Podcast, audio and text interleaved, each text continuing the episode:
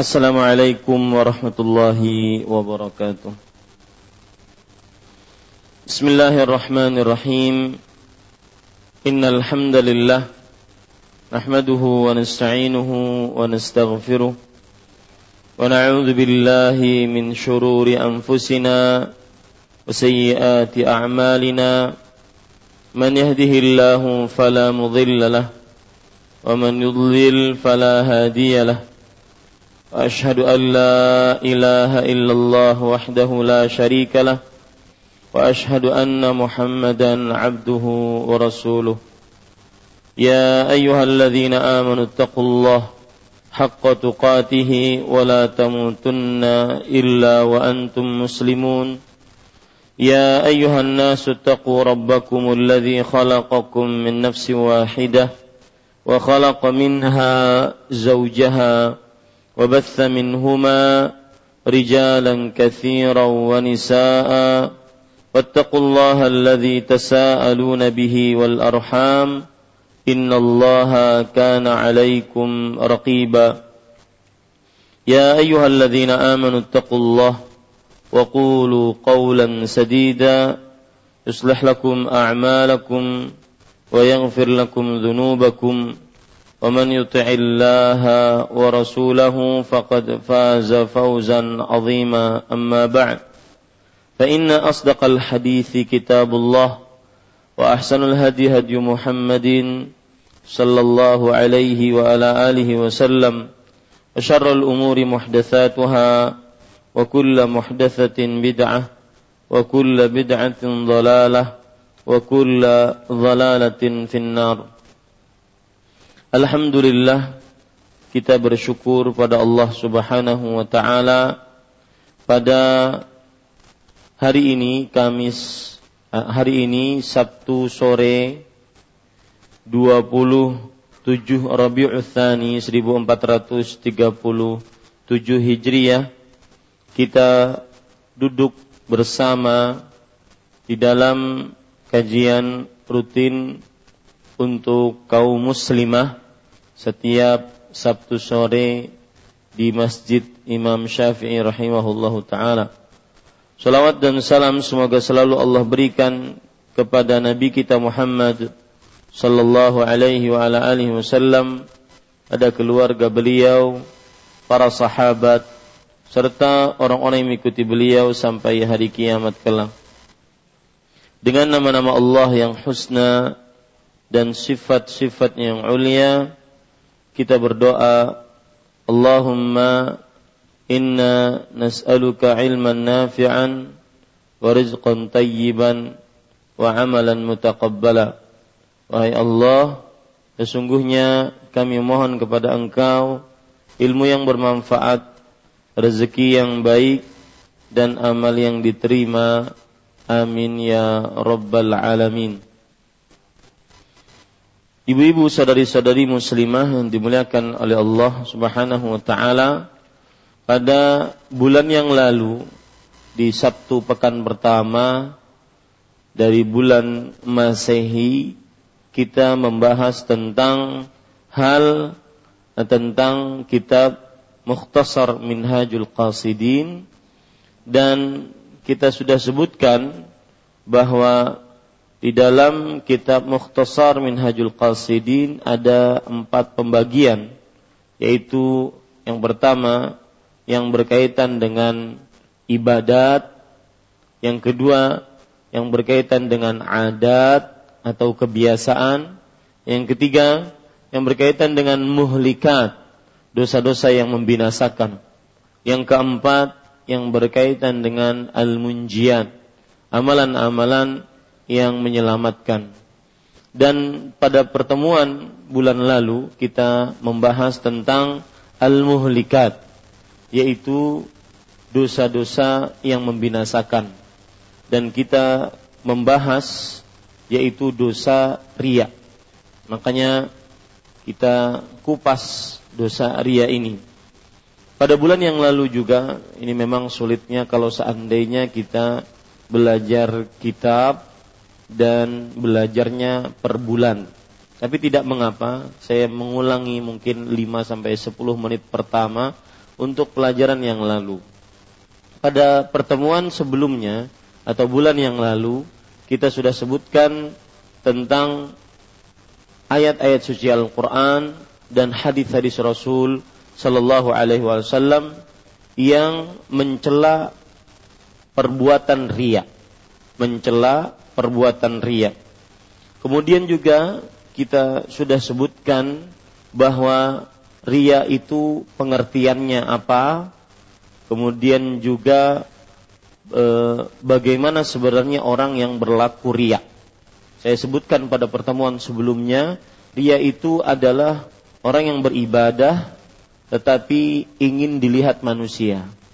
Dia mungkin niatannya kepada Allah, akan tetapi juga ingin dilihat manusia. Itulah yang disebut dengan riak. Kemudian pada pertemuan sebelumnya kita juga sudah membahas bahwa ria itu berbagai macam. Yaitu ria itu mempunyai bagian-bagian. Bagian yang pertama yaitu ria di dalam perkara agama.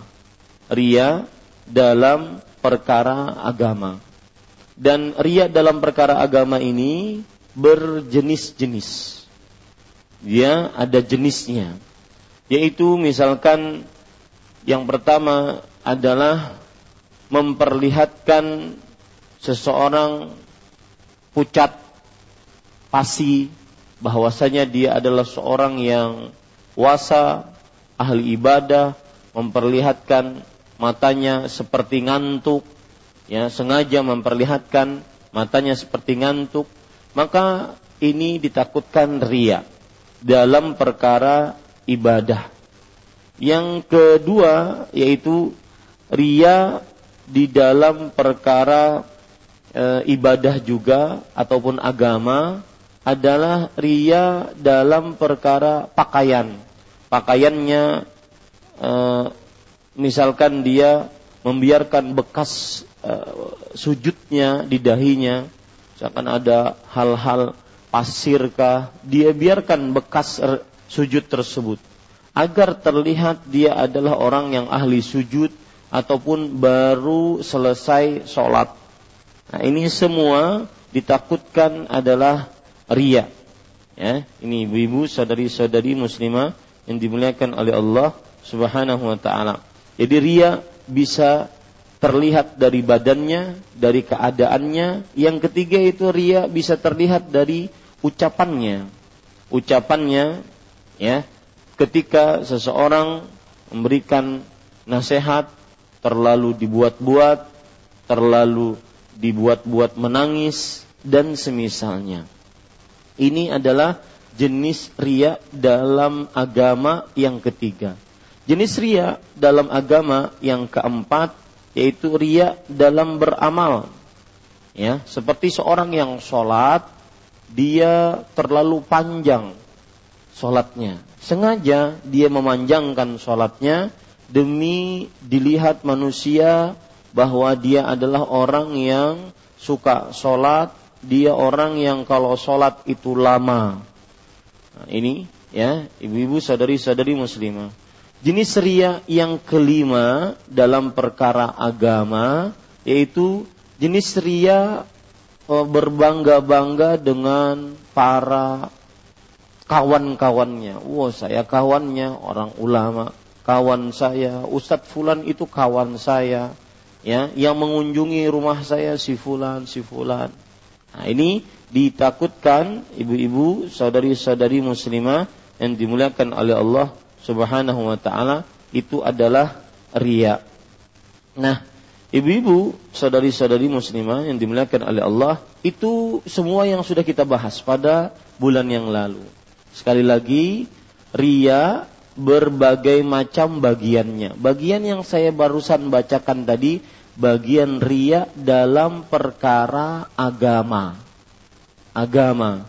Dan dalam perkara agama ini berjenis-jenis dilihat dari badannya, penampilannya, ya, badannya, kemudian pakaian atau penampilannya, Yang ketiga yaitu dengan ucapannya, yang keempat dengan amalannya, perbuatannya dalam beramal. Yang kelima dengan berbangga-bangga, ingin dilihat, ingin dipuji karena dia punya kawan si fulan, kawan si fulan, kawan yang orang yang terkenal dan semisalnya. Ini ditakutkan dia nantinya masuk ke dalam perkara ria. Kita lanjutkan sekarang persis 10 menit saya menjelaskan yang sudah lalu ya, yang sudah lalu. Sekarang ibu-ibu, saudari-saudari muslimah yang dimuliakan oleh Allah, kita lanjutkan membaca kitabnya. E, penulis kemudian mengatakan yaitu pasal yang kedua, jenis dari ria. Beliau mengatakan, "Anna abwa berria ba'duha asyaddu min ba'd."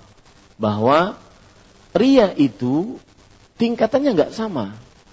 Ada yang sangat parah, ada yang rendah. Nah, sekarang kita belajar tingkatan-tingkatan ria. Beliau mengatakan, "Wa'lam anna ba'dha abwabir riya'i ashadda min ba'd." Ketahuilah bahwa asyaddu min ba'd. Ketahuilah bahwa pintu-pintu ria itu lebih berat sebagiannya dibandingkan yang lain. Li'annahu darajat karena dia mempunyai tingkatan-tingkatan. Jadi perkara di sini poin pertama sore ini kita mengetahui bahwa ria itu mempunyai tingkatan-tingkatan. Tidak sama derajat orang yang ria. Lihat, kemudian beliau mencontohkan asyadduha wa aghladuha alla yakuna muradahu bil ibadati thawaba aslan. Yang paling parah dari ria adalah dia tidak menginginkan dari ibadahnya tersebut pahala sama sekali. Ya. Ganjaran dari Allah sama sekali. Kalladhi yusalli bainan nas walawin farada lam yusalli. Lihat Bu contohnya kalau dia di tengah manusia, sholat. Tapi kalau sendirian, enggak sholat. Nah, ini paling parah ini bu. Ya, tidak menginginkan dari ibadah yang dia kerjakan adalah pahala, ganjaran sama sekali. Buktinya apa? Kalau di antara manusia dia sholat. Artinya ingin dilihat manusia. Tapi kalau sendirian, enggak sholat. Ini riak yang paling parah. Yang kedua, kata penulis Imam Ibnu Qudam rahimahullah, ad-darajatu tsaniyah an yaqsuda ats-tsawaba an yaqsida ats-tsawaba ma'ar riya'i qasdan dha'ifan bihaitsu la law kana khaliyan lam yaf'alhu fahuwa qaribun minal qismil awal fi qaunihima mamqutina indallah.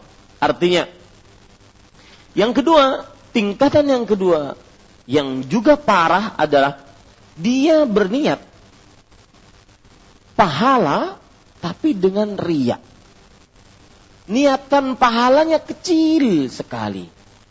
Yang paling besar riaknya. Apa bedanya dengan yang pertama tadi? Kalau yang pertama tadi nggak ada sama sekali benar-benar murni hanya ingin dilihat manusia. Kalau tidak dilihat, kalau tidak ada yang melihat, dia nggak mengerjakan. Wah, ini paling parah. Ya. Yang mana yang kedua ini kalaupun sendirian dia juga tidak mengerjakan.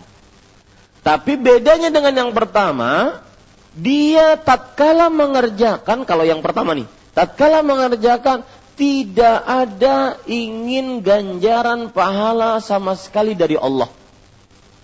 Adapun yang kedua ini ada sedikit tapi paling porsinya paling banyak adalah riaknya. Makanya dua-duanya ini kalau sendirian tidak ada yang melihat sama dia nggak mengerjakan juga. Baca Quran misalkan Bu, kalau di hadapan orang ya lagi nunggu kajian, ustadznya belum datang misalkan, uh pura-pura baca Quran seakan-akan ahli Quran. Tidak ada waktu tanpa Quran. Tapi tatkala di rumah sendirian, maka jangan memegang. Ya. Tidak ada niat sama sekali. Nah ini ditakutkan dia masuk ke dalam tingkatan ria yang paling parah. Nah ini ibu-ibu sadari-sadari muslimah yang dimuliakan oleh Allah. Jadi yang pertama itu tidak ada sama sekali dalam hatinya maksud untuk dapat pahala dari Allah. Dari amalnya. Hanya maksudnya ingin benar-benar dilihat manusia. Buktinya apa? Kalau sendirian tidak mengerjakan. Kalau di hadapan orang banyak baru mengerjakan. Wah. Sedangkan yang kedua bagaimana? Dalam amalnya dia ada kecenderungan untuk dapat pahala, tapi lemah kecenderungan itu. Lebih banyaknya dilihat, ingin dilihat. Buktinya juga kalau sendirian tidak mengamalkan. Nah, itu bedanya Ibu yang pertama dengan yang kedua. Penulis kemudian mengatakan asalithah. Derajat yang ketiga, tingkatan riya yang ketiga. An yakuna qasdur riya'i wa qasdus sawabi mutasawiyain. Bihaitsu law infarada kullu wahidin minhuma anil akhari lam yab'athu 'ala al-'amal. Fahadha qad afsada mithlu mithla ma aslah wa la yaslam ism.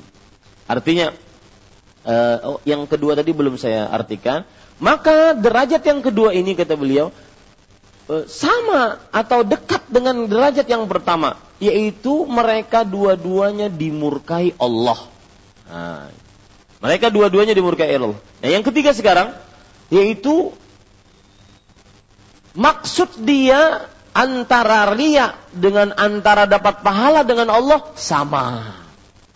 Maksud dia ingin dilihat manusia dengan ingin dapat pahala dari Allah sama. Ya, sama. Bagaimana itu? Kalau seandainya salah satunya tersendiri, maka tidak beramal dia. Kalau salah satunya tersendiri tidak beramal dia. Maka penulis mengatakan orang seperti ini merusak amalnya dan tidak memperbaiki amalnya dan tidak lepas dari dosa. Ini tingkatan yang ketiga. Jadi kalau tingkatan pertama tidak ada sama sekali niatan ingin dapat pahala dari Allah. Tingkatan yang kedua ada sedikit ingin dapat pahala dari Allah, tapi riaknya yang lebih banyak.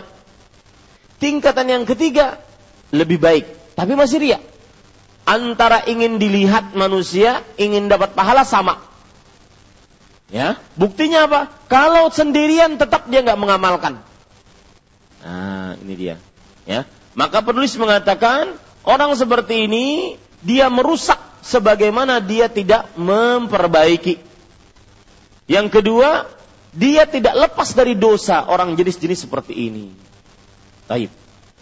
Kemudian, ibu-ibu sadari-sadari muslimah yang dimuliakan oleh Allah. Yang keempat, arabiah.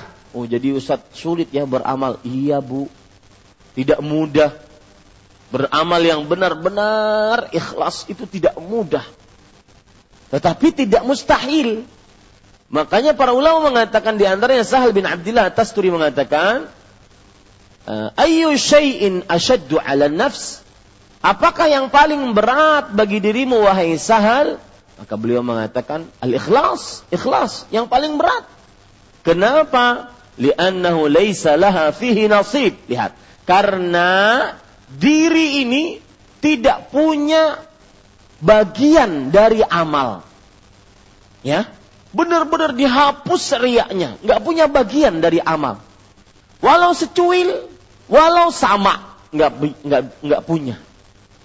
Makanya berat ikhlas itu. Sedangkan kita itu e, manusia ditabiatkan suka pujian, suka sanjungan. Tadi yang barusan kita baca tadi, hanya dengan kawan saja kita sudah bisa riak.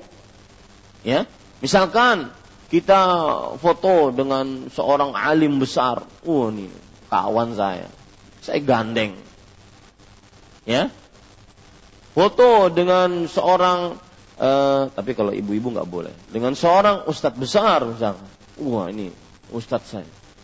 Ya, foto dengan apa e, merasa bangga dan ingin memperlihatkan kepada orang dengan para tamu-tamunya Uh, ini tamu-tamu saya, tamu-tamu orang terhormat. Ria itu. Ini ibu-ibu, saudari-saudari muslimah yang dimuliakan oleh Allah. Yang keempat, an yakuna tila'un nasi alaihi maqrunan linasyatih. Walau lam yattali alaihi ahad, lam yatrukil ibadah. Fahada yuthabu ala qasdihi sahih wa yu'aqabu ala qasdihi fasid. Nah, yang keempat ini yang paling ringan.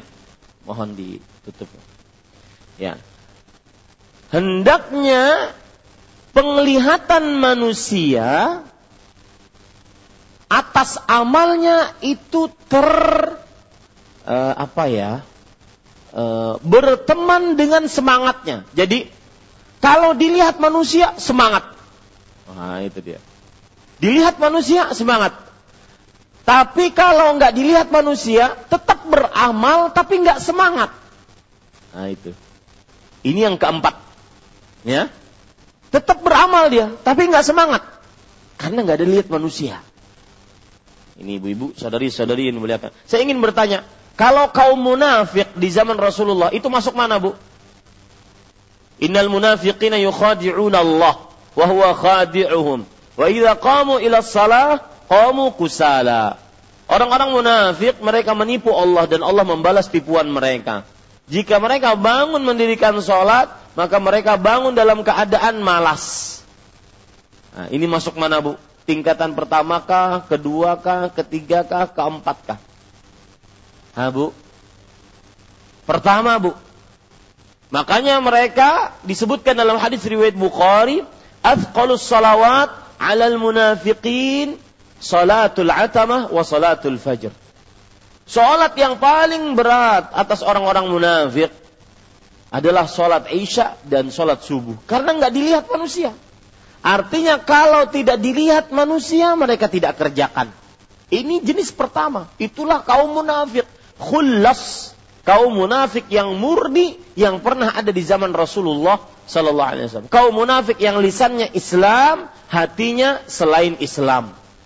Itu yang pertama tingkatan ria pertama tadi bu. Makanya saya sering mengatakan orang ria itu sebenarnya di dalam dirinya ada titisan darah munafik Ya. Itu Bu. Orang ria sebenarnya ada titisan darah munafik. Nah, catat itu Ibu. Sebarkan dan masukkan ke dalam sanubari kita jadikan keyakinan. Ya. Tapi yang keempat ini tadi bagaimana? Hendaknya penglihatan manusia kepada dia itu dibarengi dengan semangatnya ibadah. Jadi kalau kapan dilihat manusia semangat. Kapan dilihat ustadznya semangat. Kapan dilihat orang tuanya semangat. Kapan dilihat mertuanya semangat. Ya, ini ibu-ibu sadari-sadari muslimah yang dimuliakan oleh Allah. Kalau tidak dilihat, maka dia tetap beribadah, tidak meninggalkan ibadah. Nah, ini yang paling ringan. Maka penulis mengatakan, maka orang seperti ini akan diberikan pahala atas niatnya yang sahih tadi, yang benar tadi. Tapi diberikan dosa atas niatnya yang buruk tadi. Jadi dia ibadah untuk Allah, tapi kalau seandainya dilihat manusia tambah semangat. Nah, begitu. Maka orang ini akan diberikan pahala sesuai dengan niatnya. Ya. Wa qaribun min dzalika ar-riya'u bi awsafil ibadah la bi asliha. Nah, contohnya kata beliau adalah riya dengan sifat-sifat ibadah, bukan dengan asal ibadah. Bagaimana itu? Kalladzi yusalli wa gharduhu takhfifur ruku' was sujud wa la yutilur qiraah. Orang yang salat niatnya agar me, meringankan tatkala ruku dan sujud dan tidak memperpanjang bacaan. Fa'idha ra'ahun nas ahsana dhalik. Fahada aidan minar riya al mahdzur. Kalau ada manusia, baru dia perpanjang, baru tambah semangat. Kalau nggak ada manusia, nggak dilihat oleh manusia, dia ringan sholatnya, rukunya sujudnya cepat. Nah, ini ini ada bagian riak padanya ibu. Wah Ustaz itu berat itu Ustaz. Kalau sholat berjamaah masih mending kita imamnya di sini agak lama. Tapi kalau sholat sendirian di rumah, nah itu dia. Berat di situ ria. Di situlah ria, beratnya ria. Li'annahu yatadhammanu ta'zimul khalq. Kenapa, Bu? Nah, ini perhatikan, Bu. Karena ria mengkonsekuensikan pengagungan terhadap makhluk. Nah, ini Bu, kenapa ria tercela dalam Islam? Garis bawah Ibu, ria tercela karena di dalamnya terdapat meng, terdapat mengagungkan makhluk. Ria mengkonsekuensikan pengagungan terhadap makhluk. Saya ulangi, kenapa ria tercela? Karena di dalam ria terdapat peng uh, saya ulangi karena di dalam ria mengkonsekuensikan peragungan pengagungan terhadap makhluk. Itu Bu. Ria mengkonsekuensikan pengagungan terhadap makhluk. Kalau dilihat semangat, kalau nggak dilihat nggak semangat. Nah ini dia. Kalau seandainya ada dia beramal, kalau tidak ada dia tidak beramal. Ya, ini ibu-ibu itu ria. Sekali lagi, kenapa ria tercera dalam Islam? Karena ria mengkonsekuensikan pengagungan terhadap makhluk taib. Itu adalah tingkatan-tingkatan ria yang penulis mengatakan bahwa ria di dalam Islam tingkatannya sebagian lebih tinggi daripada yang lainnya. Artinya ria itu bertingkat-tingkat. Ada yang paling parah riannya, ada yang rendahan rianya. Ini ibu-ibu, saudari-saudari muslim. Kemudian penulis sekarang menyebutkan bayanur riya'il khafi alladhi huwa akhfa min dabibin naml. Artinya penjelasan bahwa ada namanya riya khafi. Apa Bu namanya? Khafi. Riya khafi, tersembunyi yang mana saking tersembunyinya lebih tersembunyi dibandingkan langkah semut. Ada yang bisa melihat langkah semut? Tidak ada. Ya. Ada riak yang se tersembunyi lebih tersembunyi dibandingkan langkah semut. Saking tipisnya riak tersebut. Nah, kita baca sekarang. I'lam, ketahuilah anna riya'a jaliyun wa khafiyun. Ketahuilah bahwa ria itu ada yang jelas, memang benar-benar terlihat, orang lain bisa merasakannya. Ada yang khafi, tersembunyi. Fal jaliyu huwa alladhi 'ala al-'amal wa yahmilu 'alaih. Lihat. Yang namanya ria yang jelas, jali namanya, jali. Ya. Jadi kalau seandainya ada uh, seseorang bernama Jali, itu artinya jelas, jali. Ya. Anak siapa anak jali. Itu artinya jali itu jelas. Ya. Dialah yang menumbuhkan beramal dan memotivasi untuk beramal. Ini riak jali namanya.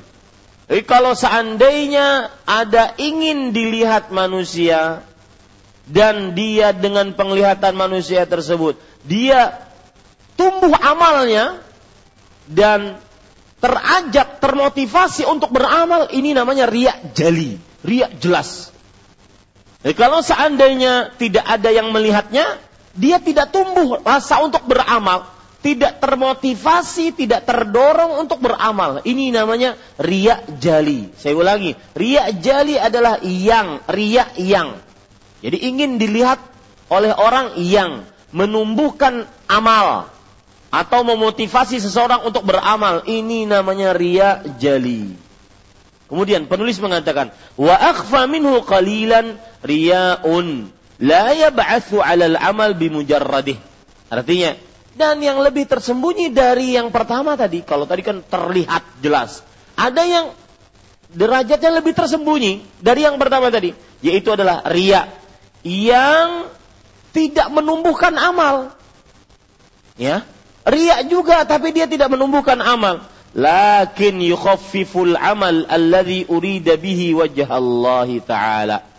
Tetapi kalau seandainya tidak ada yang melihatnya, yang cuma dia lihat, yang cuma melihat hanya Allah, tidak ada mata makhluk yang melihatnya, dia uh, amalnya menjadi amalnya menjadi ringan, sederhana, cepat, tidak lambat, tidak khusyuk, ya, ringan, sederhana. Nah, ini ria yang lebih tersembunyi daripada yang jali tadi. Kalladhi ya'tadu tahajjud kulla lailatin wa yathqulu alaih. Fa idza nazala indahu dhaifun nashata lahu wa sahula alaih. Nah, ini perhatikanmu. Seperti orang tahajud. Dia semangat tahajud. Kalau ada tamu. Kalau ada tamu semangatnya. Ke masjid semangat kalau ada tamu. Kalau ada tamu semangat. Ya, li, eh, setengah jam sebelum sebelum azan Wah, sudah ngajak tamu ke masjid. Kalau tidak ada tamu, masbuk paling terakhir. Itu kayak betul masbuk paling terakhir. Datang apabila masbuk paling terakhir. Ya, ini tahajud semangat kalau ada tamu. Kalau tidak ada tamu, maka tahajud juga bu. Tapi berat. Nah ini ibu-ibu sadari-sadari yang dimuliakan oleh Allah Subhanahu wa taala. Ada lagi kata penulis, wa akhfa min dzalika ma la yu'athiru fil amal wala fit tashil. Lakinnahu ma'a dzalika mustam mustabtinun fil qalbi.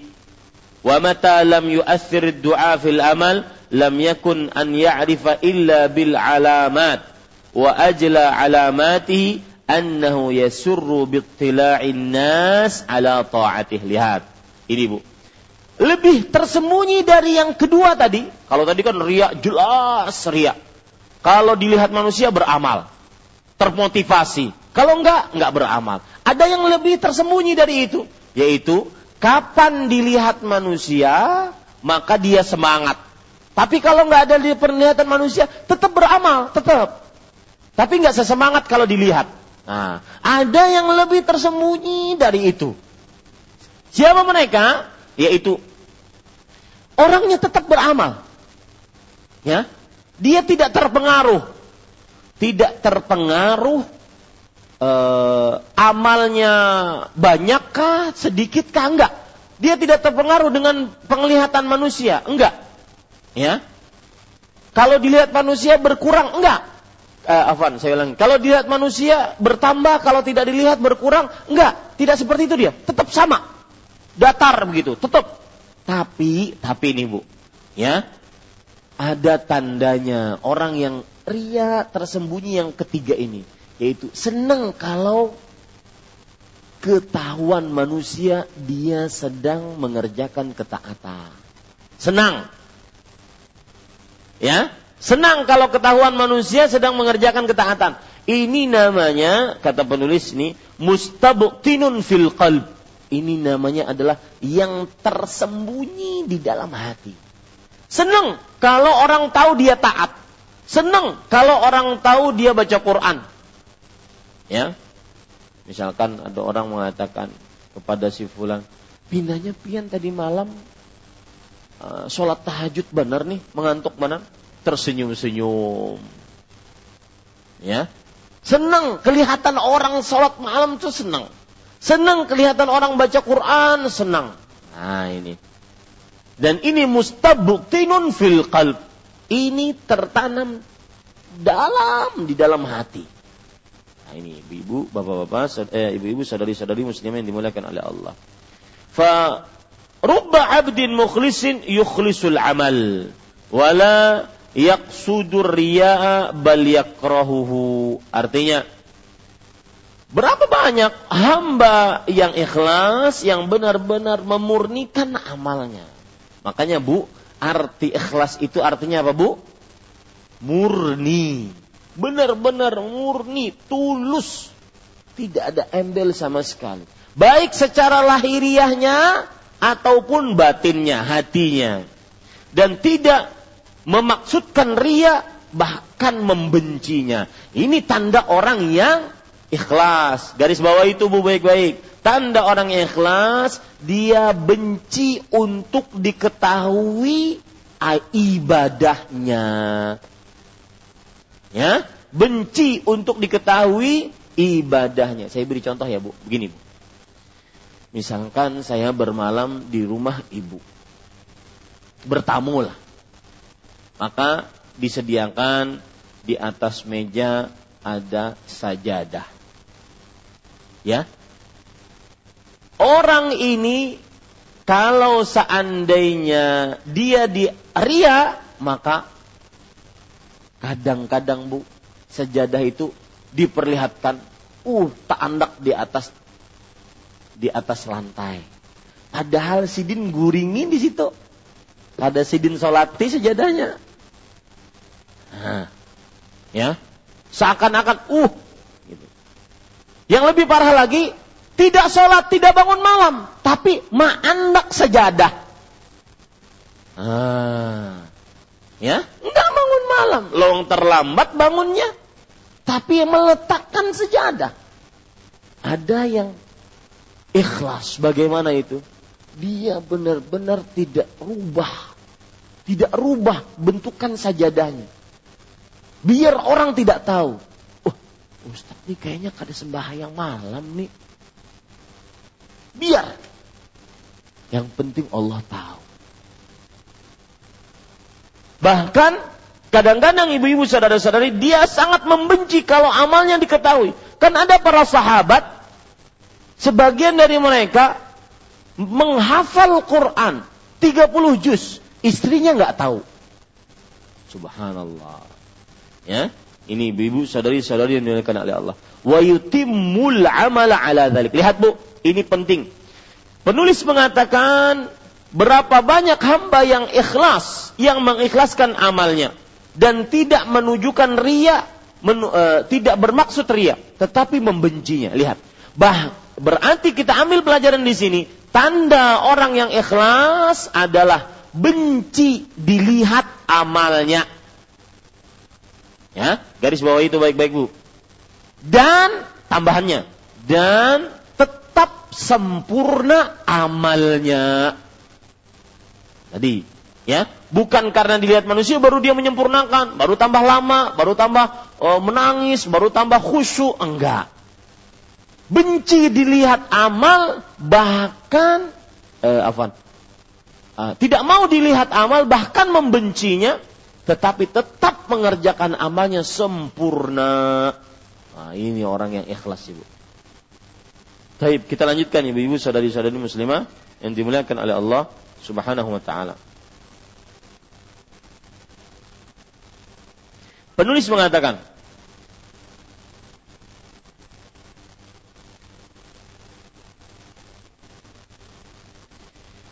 Lakin idza tala'a an-nasu 'alaihi sarrahu dzalik wartaha lahu. Tetapi orang yang ria kalau seandainya diketahui oleh manusia amalnya maka dia senang merasa plong. Wah akhirnya amalku diketahui orang juga ya senang dia. Waruhu waruhu dzalika an qalbihi syiddatul ibadah فهذا السرور يدل على رياء خفي منه يرشح السرور maka kesenangan seperti ini tatkala ada orang ternyata ada yang melihat saya sedekah ada yang mengetahui saya uh, beramal senang dia malah tambah dengan itu inilah yang disebut dengan ria yang tersembunyi ya yang mana Penulis mengatakan riak tersembunyi itu adalah yang tadi katanya lebih tersembunyi daripada langkah semut itu adalah orang yang kalau ketahuan beramal senang. Nih, kalau ketahuan beramal dia senang. Walau laltifatul qalbi ila nas lama lama zahara sururu 'inda tila'in nas. Kalau seandainya dia e, kalau seandainya condongnya hati kepada manusia, maka niscaya dia tidak akan memperlihatkan rasa senangnya ketika diketahui oleh manusia. Artinya, orang yang ikhlas dia tidak suka diketahui manusia amalnya.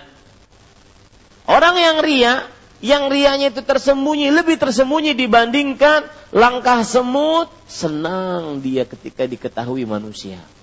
Kalau seandainya bukan demikian, maka niscaya nggak mungkin dia senang, malah dia benci.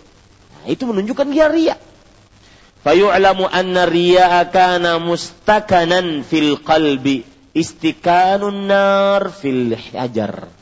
Ini diketahui dengan ini sebenarnya ada semacam ria yang bertokol di dalam hatinya. Sebagaimana api bercokol di dalam batu. Batu itu bu kalau kita titiskan ya maka dia akan keluar api. Maka seperti itulah orang yang riaknya lebih tipis dibandingkan langkah semut. Itu namanya ria yang lebih tipis dibandingkan langkah semut. Fa'adhara minhu ittila'un nas athar al-farh was surur. Sama. Karena manusia mengetahui amalnya, maka dia jadi senang. Thumma idza istash'ara tilka ladzah bittila'i lam yuqabil dzalika biqaraha. Nah, ini bahayanya. Ya, yang ria yang lebih tersembunyi dari uh, langkah semut tadi, kalau dia sudah senang, maka dia semakin ta'ambung. Ya, semakin senang, tidak membencinya. Nah, ini ibu-ibu sadari-sadari. Bal qad yataharraku harakatan khafifah wa yatakallafu an yattali alaihi bit-ta'rid la bit-tasrif. Bahkan kadang-kadang ketika dia mulai senang, orang melihat ternyata amalnya, dia mulai kadang-kadang membuat sebuah gerakan kecil. Ya, gerakan kecil agar dilihat manusia. Ya, sebagai bentuk kiasan, sebagai bentuk kiasan. Ini ibu-ibu sadari-sadari, misalkan berdoa ikhlas karena Allah. Tapi ketika dilihat manusia dia senang. Ya, dilihat manusia dia senang. Maka dia bergerak dengan gerakan kecil lapas kacamata, pura-pura basuh. Habis menangis, sekalinya ada kelimpanan, wai. Ini ibu-ibu, saudari-saudari muslimah yang dimuliakan oleh Allah Subhanahu wa taala. Taib. Uh,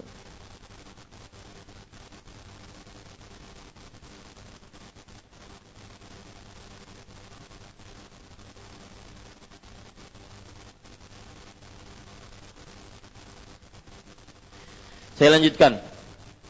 Waqad yakhfa fala yad'u ila al-izhar bin nutqi ta'ridan wala tasrihan walakin bisyama'il kau izhar an-nuhul was-safar wa khafd as-sawt wa yabsu ash-shafatain wa athar ad-dumu wa ghalabat an-nu'as ad-dala ala tul tahajjud. Persis yang saya sebutkan contohnya tadi. Beliau mengatakan dan kadang dia sembunyikan. Maka dia tidak memperlihatkan dengan ucapan tapi dengan gerakan. Seperti misalkan pura-pura pucat, pura-pura suara kayak habis. Assalamualaikum. Habis. Ya. Karena kebanyakan baca Quran suaranya habis. Seperti bibirnya dikeringkan, tidak seperti perempuan sekarang bibirnya pakai apa itu biar terlihat basah. Ya, Kemudian seperti misalkan ada bekas air mata diperlihatkan, seperti misalkan oh, pinang antuk banar. Ya ini golabatid nau nuas. Ya, yang mana dia seperti memperlihatkan ama uh, ngantuknya yang menunjukkan, oh saya tadi malam banyak banyak tahajudnya. Nah ini ini termasuk dia yang akhfa min bin namal lebih tersembunyi daripada langkah semut. Wa akhfa min dhalik yakhtafi bihaitsu la yuridu ittila' alaih. Walakin ma'a dhalik idza ra'a an-nasu ahabba an yabda'uhu bis salam wa an yuqabiluhu bil bashasha wat tawqir wa yanshitu fi qada'i hawaijihi wa yusamihuhu fi fil muamalah wa yuwassa'u lahu al-makan fa in qassara fi dhalika muqassir thaqula dhalika ala qalbi ka'anna nafsahu tataqadha al-ihtiram ala ta'ah allati akhfa ada bu yang lebih tersembunyi dari itu. Wah gimana ini? Dia nggak ingin orang melihat dia nggak. Tetapi dengan seperti itu, apabila ada orang melihat dia, dia mulai gelabakan. Oh, assalamualaikum warahmatullahi Mulai mengucapkan lebih uh, dahulu salam. Kemudian mulai me, apa namanya me, menyambut manusia dengan wajah tersenyum. Ya, karena dilihat amalnya, jadi manusia pas lihat amalnya tersebut, dia kayak kayak beda gitu. Enggak, tidak seperti biasanya. Nah itu dia. Ya, tidak seperti biasanya. Uh, dia lebih menghormati orang yang melihatnya tadi.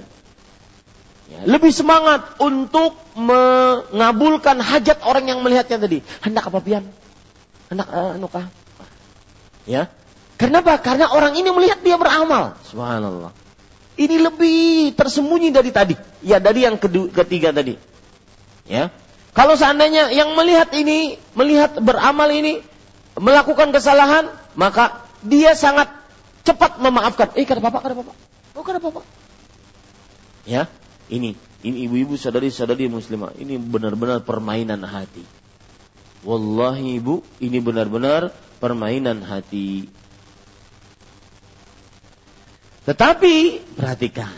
Kalau ada orang yang melihat dia, kemudian tidak memujinya ataupun tidak menyanjungnya, maka berat di dalam hatinya. Ya. Jadi maksudnya adalah dia itu memperlihatkan penghormatan kepada orang lain karena orang lain melihat dia beramal. Semakin dilihat dia semakin hormat. Ini lebih tersembunyi daripada yang pertama tadi. Subhanallah. Wa mata lam yakun wujudul ibadah ka'adamiha fi kulli ma yata'allaqu bil khalq lam yakun khalian an syaubi khufiyyin minar riya. Dan kapan tidak ada bentuk ibadah seperti ada eh, saya ulangi kapan belum terjadi uh, wujud ibadah seperti tidak adanya di setiap hal yang berkaitan dengan makhluk lam yakun khalian an syaubin khafiyin minar riya. Artinya apa, Bu? Orang kalau seandainya ria itu adalah orang yang sangat kaitan erat kaitannya dengan manusia. Kapan dia beramal berarti karena ada orang di higanya. Penglihatan orang kah, pujian orang kah? Ya. Maka penulis mengatakan semuanya itu yungqisul ajr menghapuskan pahala. Wala yaslam minhu illa siddiqun. Lihat Bu, ini penting. Tidak ada yang selamat dari semuanya itu kecuali orang-orang yang siddiq. Siapa siddiq? Orang yang jujur, imannya jujur. Ya. Kita baca sekarang sebuah riwayat. Waqat ruwina an Wahb bin Munabbih telah diriwayatkan tentang Wahab ibn Munabbih. Wahab ibn Munabbih ini seorang ulama salaf. Beliau mengatakan eh, terjadi kepada beliau sebuah kejadian. Anna rajulan minal ubbad qala li ashabih inna qad faraqna al amwal wal aulada makhafat at-tughyan. Artinya uh, ada seorang yang ahli ibadah. Ini ada si fulan ahli ibadah. Berkata kepada sahabat-sahabatnya yang lain, dia mengatakan, kita sudah berpisah dengan harta, anak-anak kita, karena takut harta dan anak-anak tersebut menyimpangkan kita dari jalan yang lurus. Artinya, dia menyendiri, tinggalin anak, tinggalin harta. Kenapa? Karena dia anggap anak dan harta menyimpangkan dia dari jalan Allah yang lurus.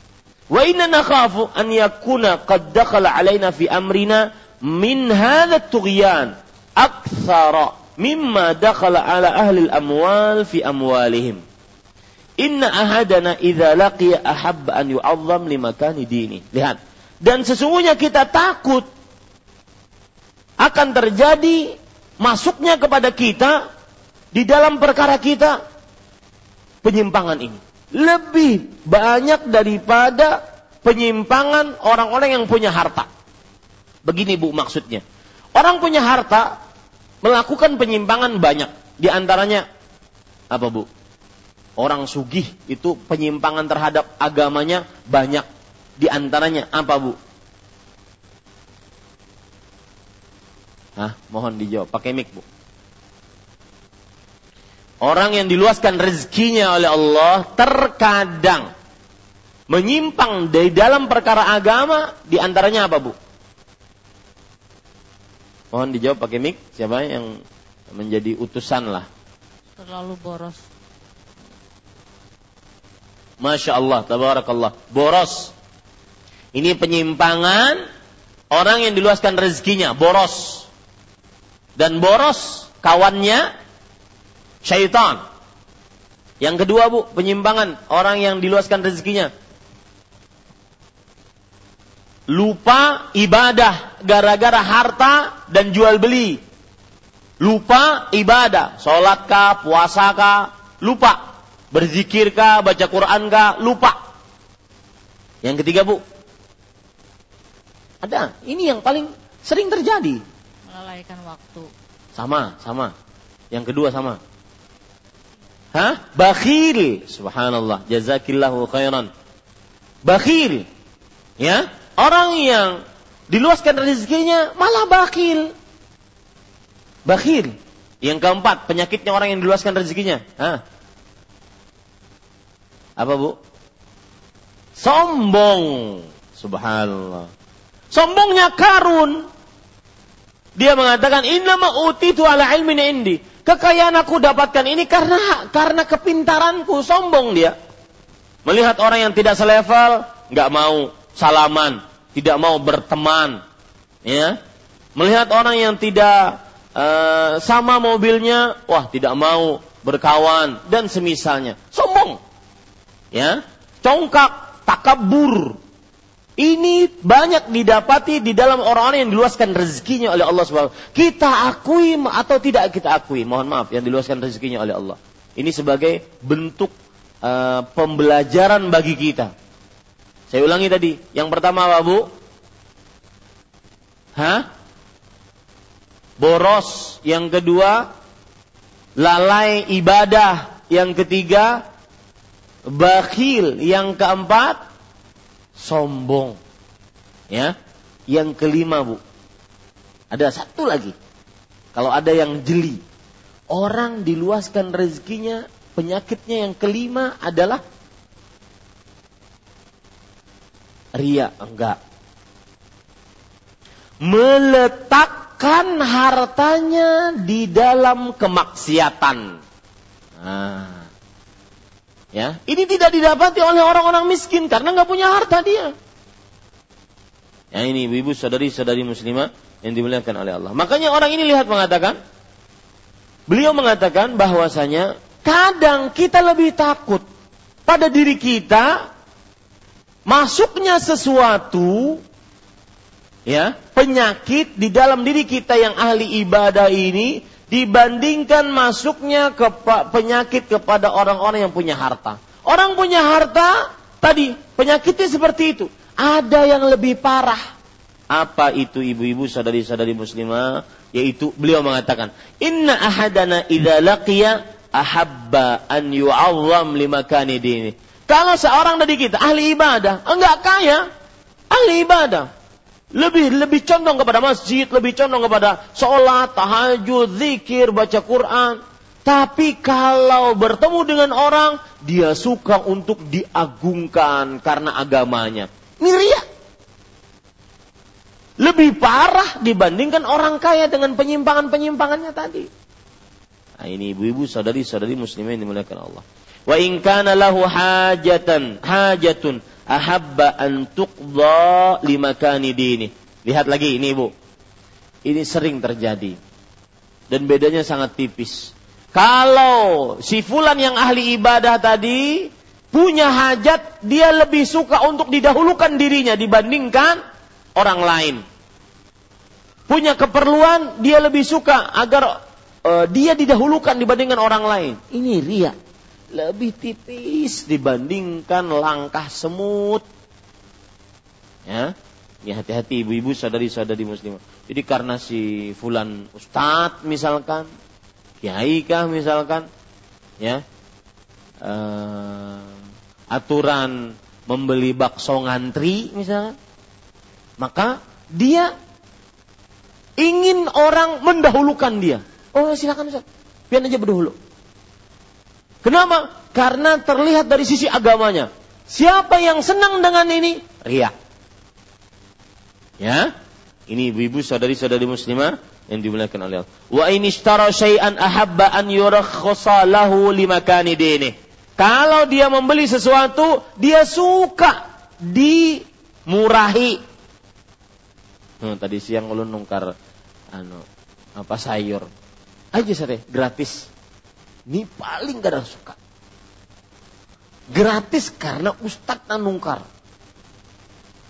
Ya, kenapa? Karena itu bisa menumbuhkan benih-benih ria. Sudah samakan saja. Si fulan bayar, saya pun bayar. Si fulan ngantri, saya pun ngantri. Ya, ini ibu-ibu sadari-sadari muslimah yang dimuliakan oleh Allah. Fabalagha dzalika muhlikuhum mul mulkuhum maka maukibihi fa idza sahlu wal jabalu qad imtala'a minan nas فقال العابد ما هذا؟ قيل هذا الملك. فقال لصاحبه ائتني بطعام. فأتاه ببقل وزبيب وقلوب الشجر فجعل يحشو شدقيه ويأكل أكلا عنيفا. فقال الملك أين صاحبكم؟ فقالوا فقالوا هذا. فقال كيف أنت؟ قال كالناس. فقال الملك ما عند هذا خير وانصرف عنه فقال الحمد لله الذي صرف عني وهو لي لائم سبحان الله Perhatikan ibu-ibu, saudari-saudari muslimah yang dimuliakan Allah Subhanahu wa taala. Lihat kejadian kata beliau Orang yang ahli ibadah tadi di kabarnya kabarnya sampai kepada raja maka raja akhirnya naik ke atas kapal. Ini ceritanya raja naik ke atas kapal, kemudian beliau juga menaikkan rakyat-rakyatnya termasuk yang ahli ibadah yang benar-benar ikhlas tadi. Ternyata para ikhwan yang dirahmati oleh Allah Subhanahu wa taala, semua isi kapal sudah diisi oleh manusia. Maka yang ahli ibadah tadi melihat, oh ada raja. Beliau bertanya, siapa fulan? Maka mereka menjawab, itu raja. Ya, itu raja. Lalu si raja ini ingin ketemu dengan ahli ibadah tadi. Faqala li sahibih. Maka si ahli ibadah berkata kepada kawannya, coba datangkan makanan kepada kita. Kita makan yuk. Fa'atahu bibakal. Lalu dia uh, didatangkan bawang, anggur yang sudah kering dan juga uh, isi dari pohon yang bisa dimakan. Ya, makanan yang sangat sederhana. Lalu beliau makan dengan cara lihat ahli ibadah ini agar tidak dikenal oleh si raja tidak diagungkan oleh si raja, dia makannya sembarangan. Jadi e, di sini nasinya, di sini e, pokoknya makannya tidak teratur. Padahal katanya ahli ibadah. Agar dia tidak terlihat ahli ibadahnya. Wa yakulu aklan anifan. Dia makan dengan makan yang tidak teratur. Maka raja bertanya, mana yang ahli ibadah mana? Faqalu hadza. Maka mereka nih orang ini. Maka Sang raja bertanya, "Kaifa anta?" Wahai ahli ibadah, bagaimana keadaanmu? Sang ahli ibadah menjawab, "Kan nas, aku sama kayak manusia ini, nggak ada bedanya." Sang raja melihat penampilannya, makannya tidak seperti ahli ibadah, tidak seperti seorang alim. Kok makannya seperti itu? Maka sang raja mengatakan, ma inda khair wa ansarafa Kata raja, ini orang nggak ada nggak ada baik, kebaikannya. Akhirnya sang raja pergi dari orang yang ahli ilmu dan ahli ibadah tadi. Maka yang tadi mengatakan, Alhamdulillah. Segala puji hanya milik Allah. Alladhi sarafa anni wa lilaim. Yang telah menjauhkan aku dari dia. Karena mungkin kalau raja tahu dia ahli ibadah, akan diagungkan dia. Di situ dia riak nantinya. Maka dia berbuat perkara yang membuat dia agar tidak terkenal. Subhanallah. Ini berat ibu-ibu, saudari-saudari muslimah yang dimuliakan oleh Allah Subhanahu wa taala. Maka kemudian penulis mengatakan walam yazalil mukhlisun khaifina min riya al khafi. Masih saja orang-orang yang ikhlas sangat takut dari dia yang tersembunyi. Yajtahiduna fi mukhada'atin nas ala a'malihim salihah mereka bersungguh-sungguh untuk menipu manusia dalam amal solehnya agar tidak terlihat amalnya. Subhanallah. Wa yahdisuna ala ikhfa'iha a'zama ma yahdisun nas ala ikhfa'i fawahishim. Lihat Bu, dan mereka sangat-sangat me, bersungguh-sungguh menyembunyikan amalnya lebih daripada sungguh-sungguhnya menyembunyikan fahishahnya. Artinya dosanya. Ya, ini ibu-ibu, saudara-saudari yang dimuliakan oleh Allah Subhanahu wa taala. Kullu dzalika raja'an yakhlis 'amaluhum liyujazihimullahu taala fil qiyamah bi ikhlasihim. Semua itu karena dia menginginkan hanya Allah yang yang mengganjar pahalanya. Sebagian dari orang, terutama di zaman sekarang, bahkan lebih bersungguh-sungguh untuk dilihat amalnya. Ini enggak, mereka dahulu bersungguh-sungguh untuk menghinakan diri di hadapan orang agar tidak terlihat amalnya. Demikian Ibu, semoga bermanfaat pengkupasan ria ini dan masih ada beberapa poin tentang ria. Mudah-mudahan kita bisa lanjutkan pada pertemuan yang akan datang. Wallahu alam. Sallallahu Nabi Muhammad Walhamdulillahi Rabbil Alamin Nah Silahkan Ibu jika ada pertanyaan. Gak ada pertanyaan? Assalamualaikum. Warahmatullahi wabarakatuh. Silahkan Bu. Di luar tema Ustaz Wan Silahkan Bu. Mungkin pernah mendengar Agak dijelaskan suaranya Bu. Kurang jelas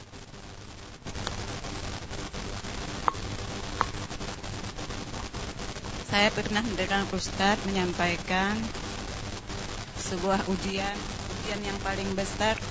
Kata Ustadz di kadang lupa saya paling berat ujiannya dalam agama. Hadis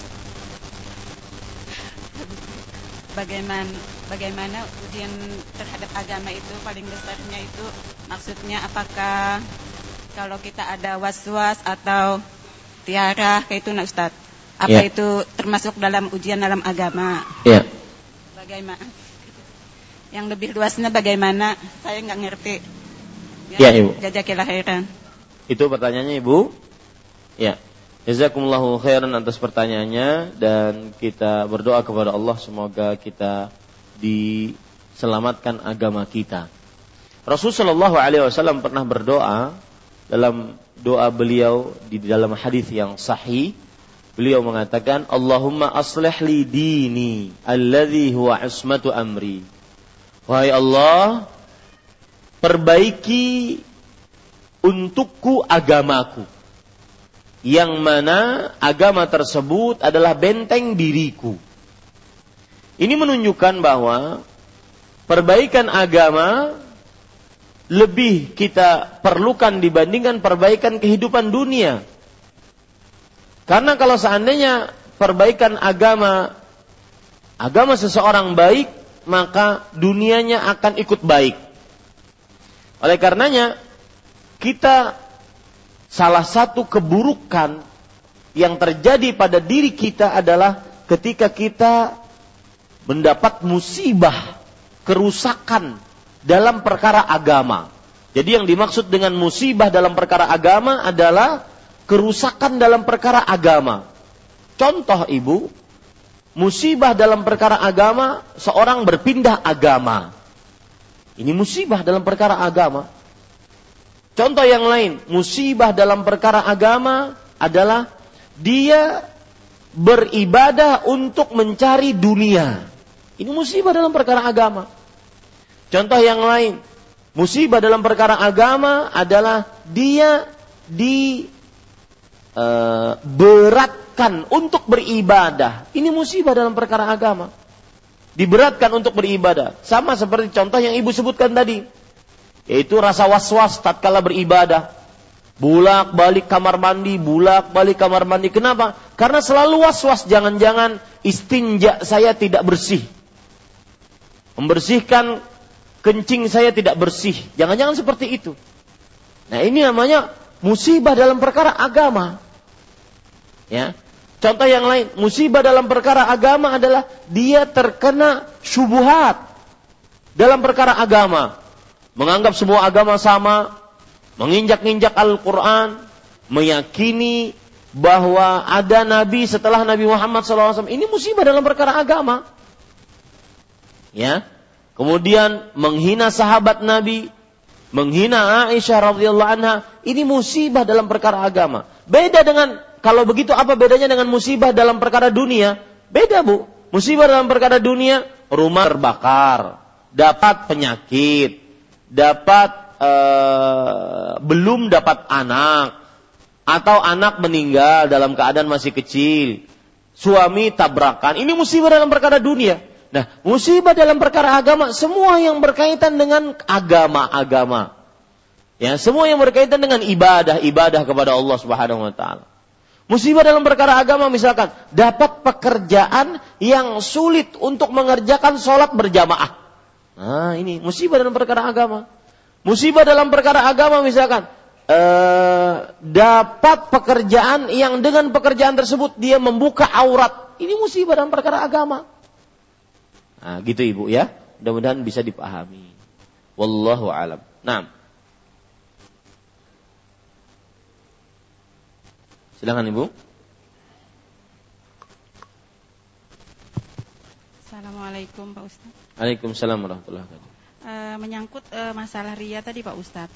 Ria dalam perkara agama atau memperlihatkan seorang itu misalnya dia itu ahli ibadah.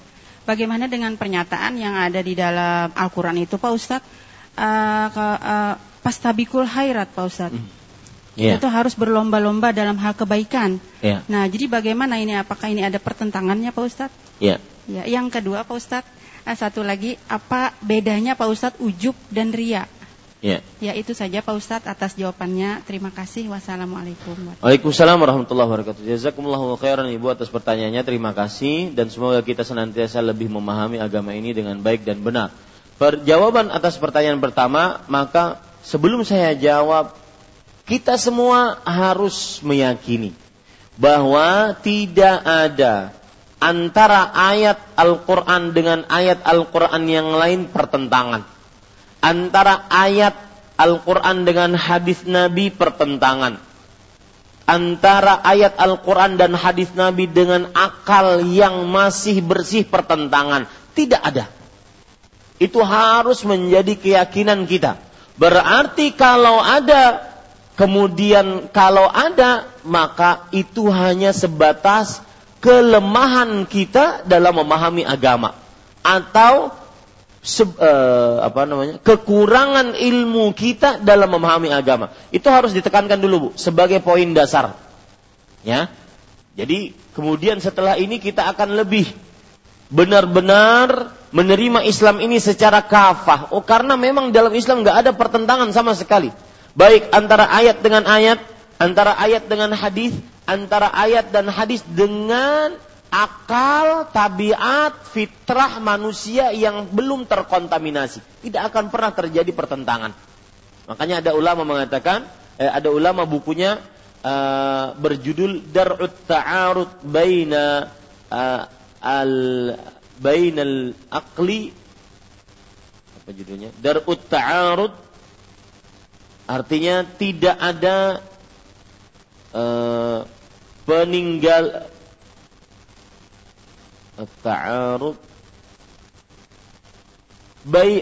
darut ta'arud al bainal aqli wan naqli.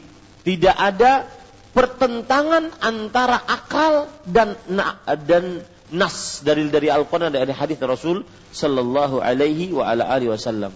Judulnya Dar'u Ta'arudil Naqli wal Aqli. Ya, meninggalkan kesan pertentangan antara akal dan ayat. Lalu ini bagaimana Ustaz yang tadi ditanyakan? Ya, kita kan diperintahkan untuk pastabiqul khairat. Berlomba-lomba dalam kebaikan. Tapi kok kita diperintahkan juga untuk menyembunyikan amal? Maka jawabannya, Bu, satu. Fastabiqul khairat tidak mesti harus memperlihatkan amal. Nah, ya, tidak mesti harus memperlihatkan amal, apalagi sampai berkuya-kuya. Apalagi sampai memperlihatkan dalam bentuk tubuh kita, keadaan kita, nggak usah. Ya, fastabiqul khairat tidak ada kelaziman harus memperlihatkan amal, apalagi sampai alman mencerita-ceritakan amal, nggak ada kelaziman, tidak ada konsekuensi yang menga, berkaitan kalau ingin pastabikul khairat maka harus kerjakan dilihat oleh orang banyak. Enggak ada. Tidak ada kelaziman itu. Memang ada amal-amalan yang tidak bisa tidak kecuali dilihat oleh manusia. Contoh sekarang nuntut ilmu. Kenapa pian kada hadir di majelis ilmu? Takutan ria aku. Nah, ini nggak bisa. Kecuali harus dilihat. Ya, uh, betunjul-tunjulan untuk mengumandangkan azan. Ayo pian aja. Kada aku takutan ria. Ayo pian aja. Kada takutan ria. Kada jadi azan. Nah, seperti itu. Kenapa pian tidak sholat berjamaah di masjid? Takutan ria aku. Nah, ini tidak benar. Jadi tidak ada kelaziman antara fastabiqul khairat dengan menyembunyikan amal. Taib. Ini jawaban pertama. Jawaban yang kedua, dari pertanyaan pertama tadi adalah bahwa fastabiqul khairat, ibu-ibu saudari-saudari muslimah tetap dilaksanakan dan hatinya tetap dijaga. Artinya begini, kalaupun kita mengerjakan fastabiqul khairat artinya akhirnya bersama terlihat oleh orang, maka tetap dijaga hatinya. Jadi sekali lagi tidak ada pertentangan. Baik. Kemudian pertanyaan kedua yaitu apa bedanya ujub dengan riak? Ujub bu, catat ya, ujub. Ujub adalah menganggap memiliki sesuatu yang tidak dimiliki oleh orang lain. Itu namanya ujub. Kita menganggap diri kita memiliki sesuatu yang tidak dimiliki oleh orang lain. Itu namanya ujub. Ah, aku lebih mancung hidungnya dibandingkan si Fulanto. Ini ujub namanya. Ya, yang satu lagi mengatakan aku matanya lebih kayak orang Korea dibandingkan yang lain. Ini ini ini ujub namanya. Menganggap dia memiliki sesuatu tidak dimiliki oleh orang lain. Itu namanya ujub. Pria beramal karena ingin dilihat agar dipuji. Beda. Ya, sangat jauh bedanya. Dan dua-duanya dosa besar. Dua-duanya dosa berkaitan dengan permainan hati. Ya.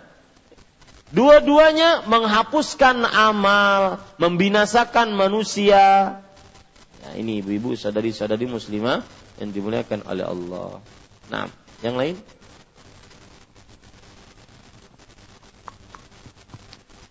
Bismillah, barakallahu fiq Ustaz. Oh, fiq, uh, ada seseorang Ustaz ketika itu dia ketiduran sekitaran antara jam sepuluhan ketiduran saking lelahnya dalam tidurnya itu dia merasa agak uh, ada yang menindih dia. Menindih dia sampai dadanya itu sampai sesak Ustaz uh, dan dia itu rasanya dia tuh mau mengikuti orang itu ke hutan-hutan gitu Ustaz Nah setelah itu selang beberapa waktu uh, sekitaran satu bulan dia itu masih merasa sakit uh, dadanya itu Ustadz. Dan sering uh, pikirannya kosong dan kalau melihat orang banyak tuh dia merasa takut. Apakah ini tanda-tanda dia itu kemasukan jin Ustadz? Iya. Mohon penjelasannya Ustadz. Itu aja pertanyaannya Bu. Iya Ustadz. Iya. Bismillah, walhamdulillah, wassalatu wassalamu rasulillah uh, ibu-ibu, saudari-saudari yang muliakan oleh Allah Subhanahu wa taala, uh, di dalam beberapa ilmu tentang iblis, syaitan dan jin uh, kita akan dapati bahwa ada jenis-jenis jin yang memang mengganggu manusia dengan cara seperti ini. Ya. Yaitu dia mengganggu manusia yang lemah imannya, lepas dari zikir, jauh dari ibadah kepada Allah dan kedekatannya dengan Allah sangat jauh. Maka dia bisa menguasai manusia seperti ini. Ya. Jadi ada beberapa riwayat yang menyebutkan akan hal itu.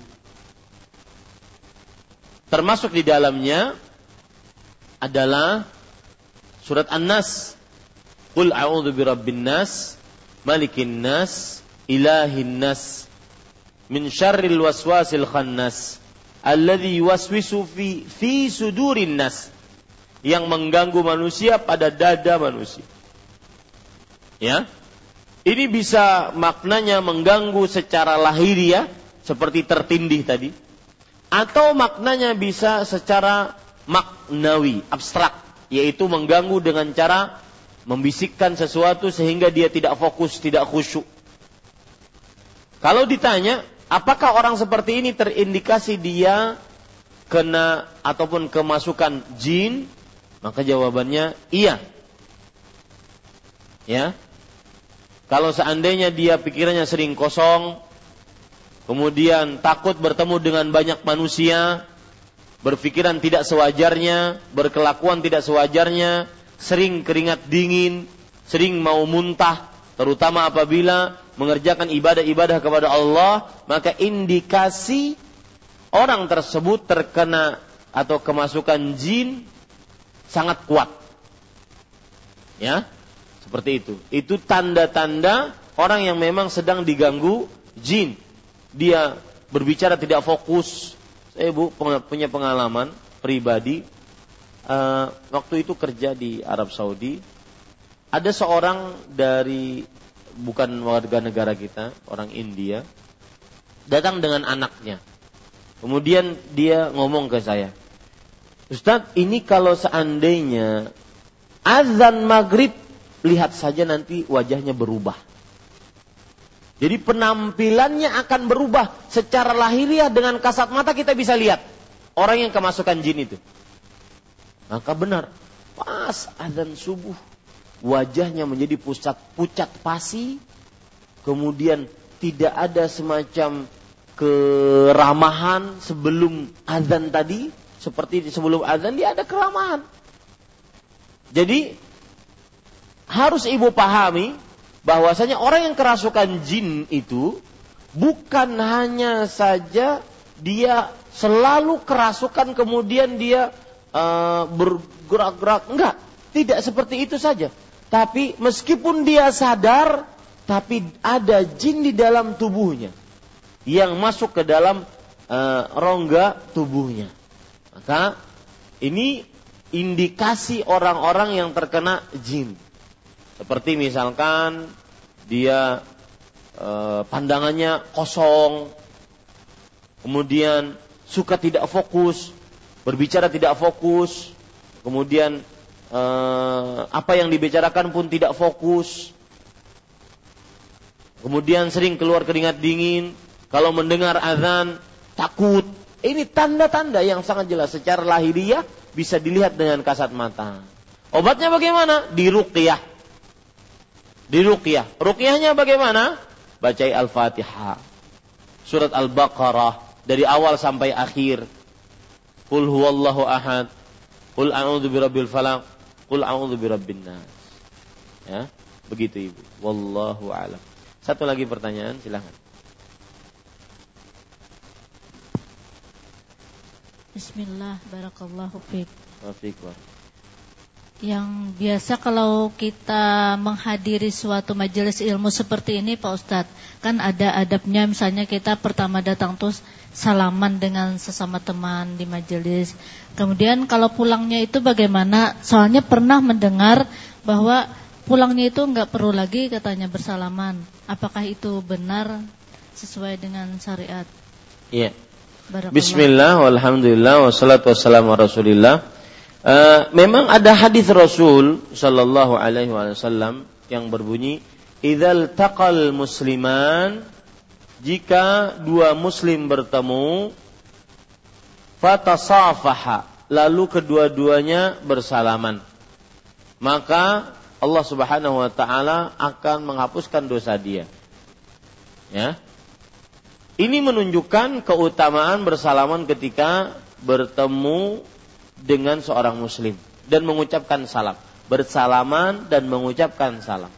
Apakah ketika ingin pulang apakah juga bersalaman dan mengucapkan salam? Maka jawabannya wallahu alam bersalaman tidak sangat dianjurkan tetapi mengucapkan salam iya. Ya, tidak sangat dianjurkan Kenapa? Karena memang yang dianjurkan adalah ketika seseorang bertemu, bersalaman dan mengucapkan salam. Ya, bersalaman dan mengucapkan salam. Adapun kalau pulang maka tidak terlalu ditekankan untuk bersalaman, tetapi boleh bersalaman dan boleh mengucapkan salam. Wallahu a'lam. Ini kira-kira Ibu yang bisa saya sampaikan. Apa yang baik dari Allah Subhanahu wa taala kita cukupkan dengan kafaratul majlis. Subhanakallah bihamdik, syahadu an la ilaha illa anta astaghfiruka wa atubu ilaik. Warahmatullahi wabarakatuh.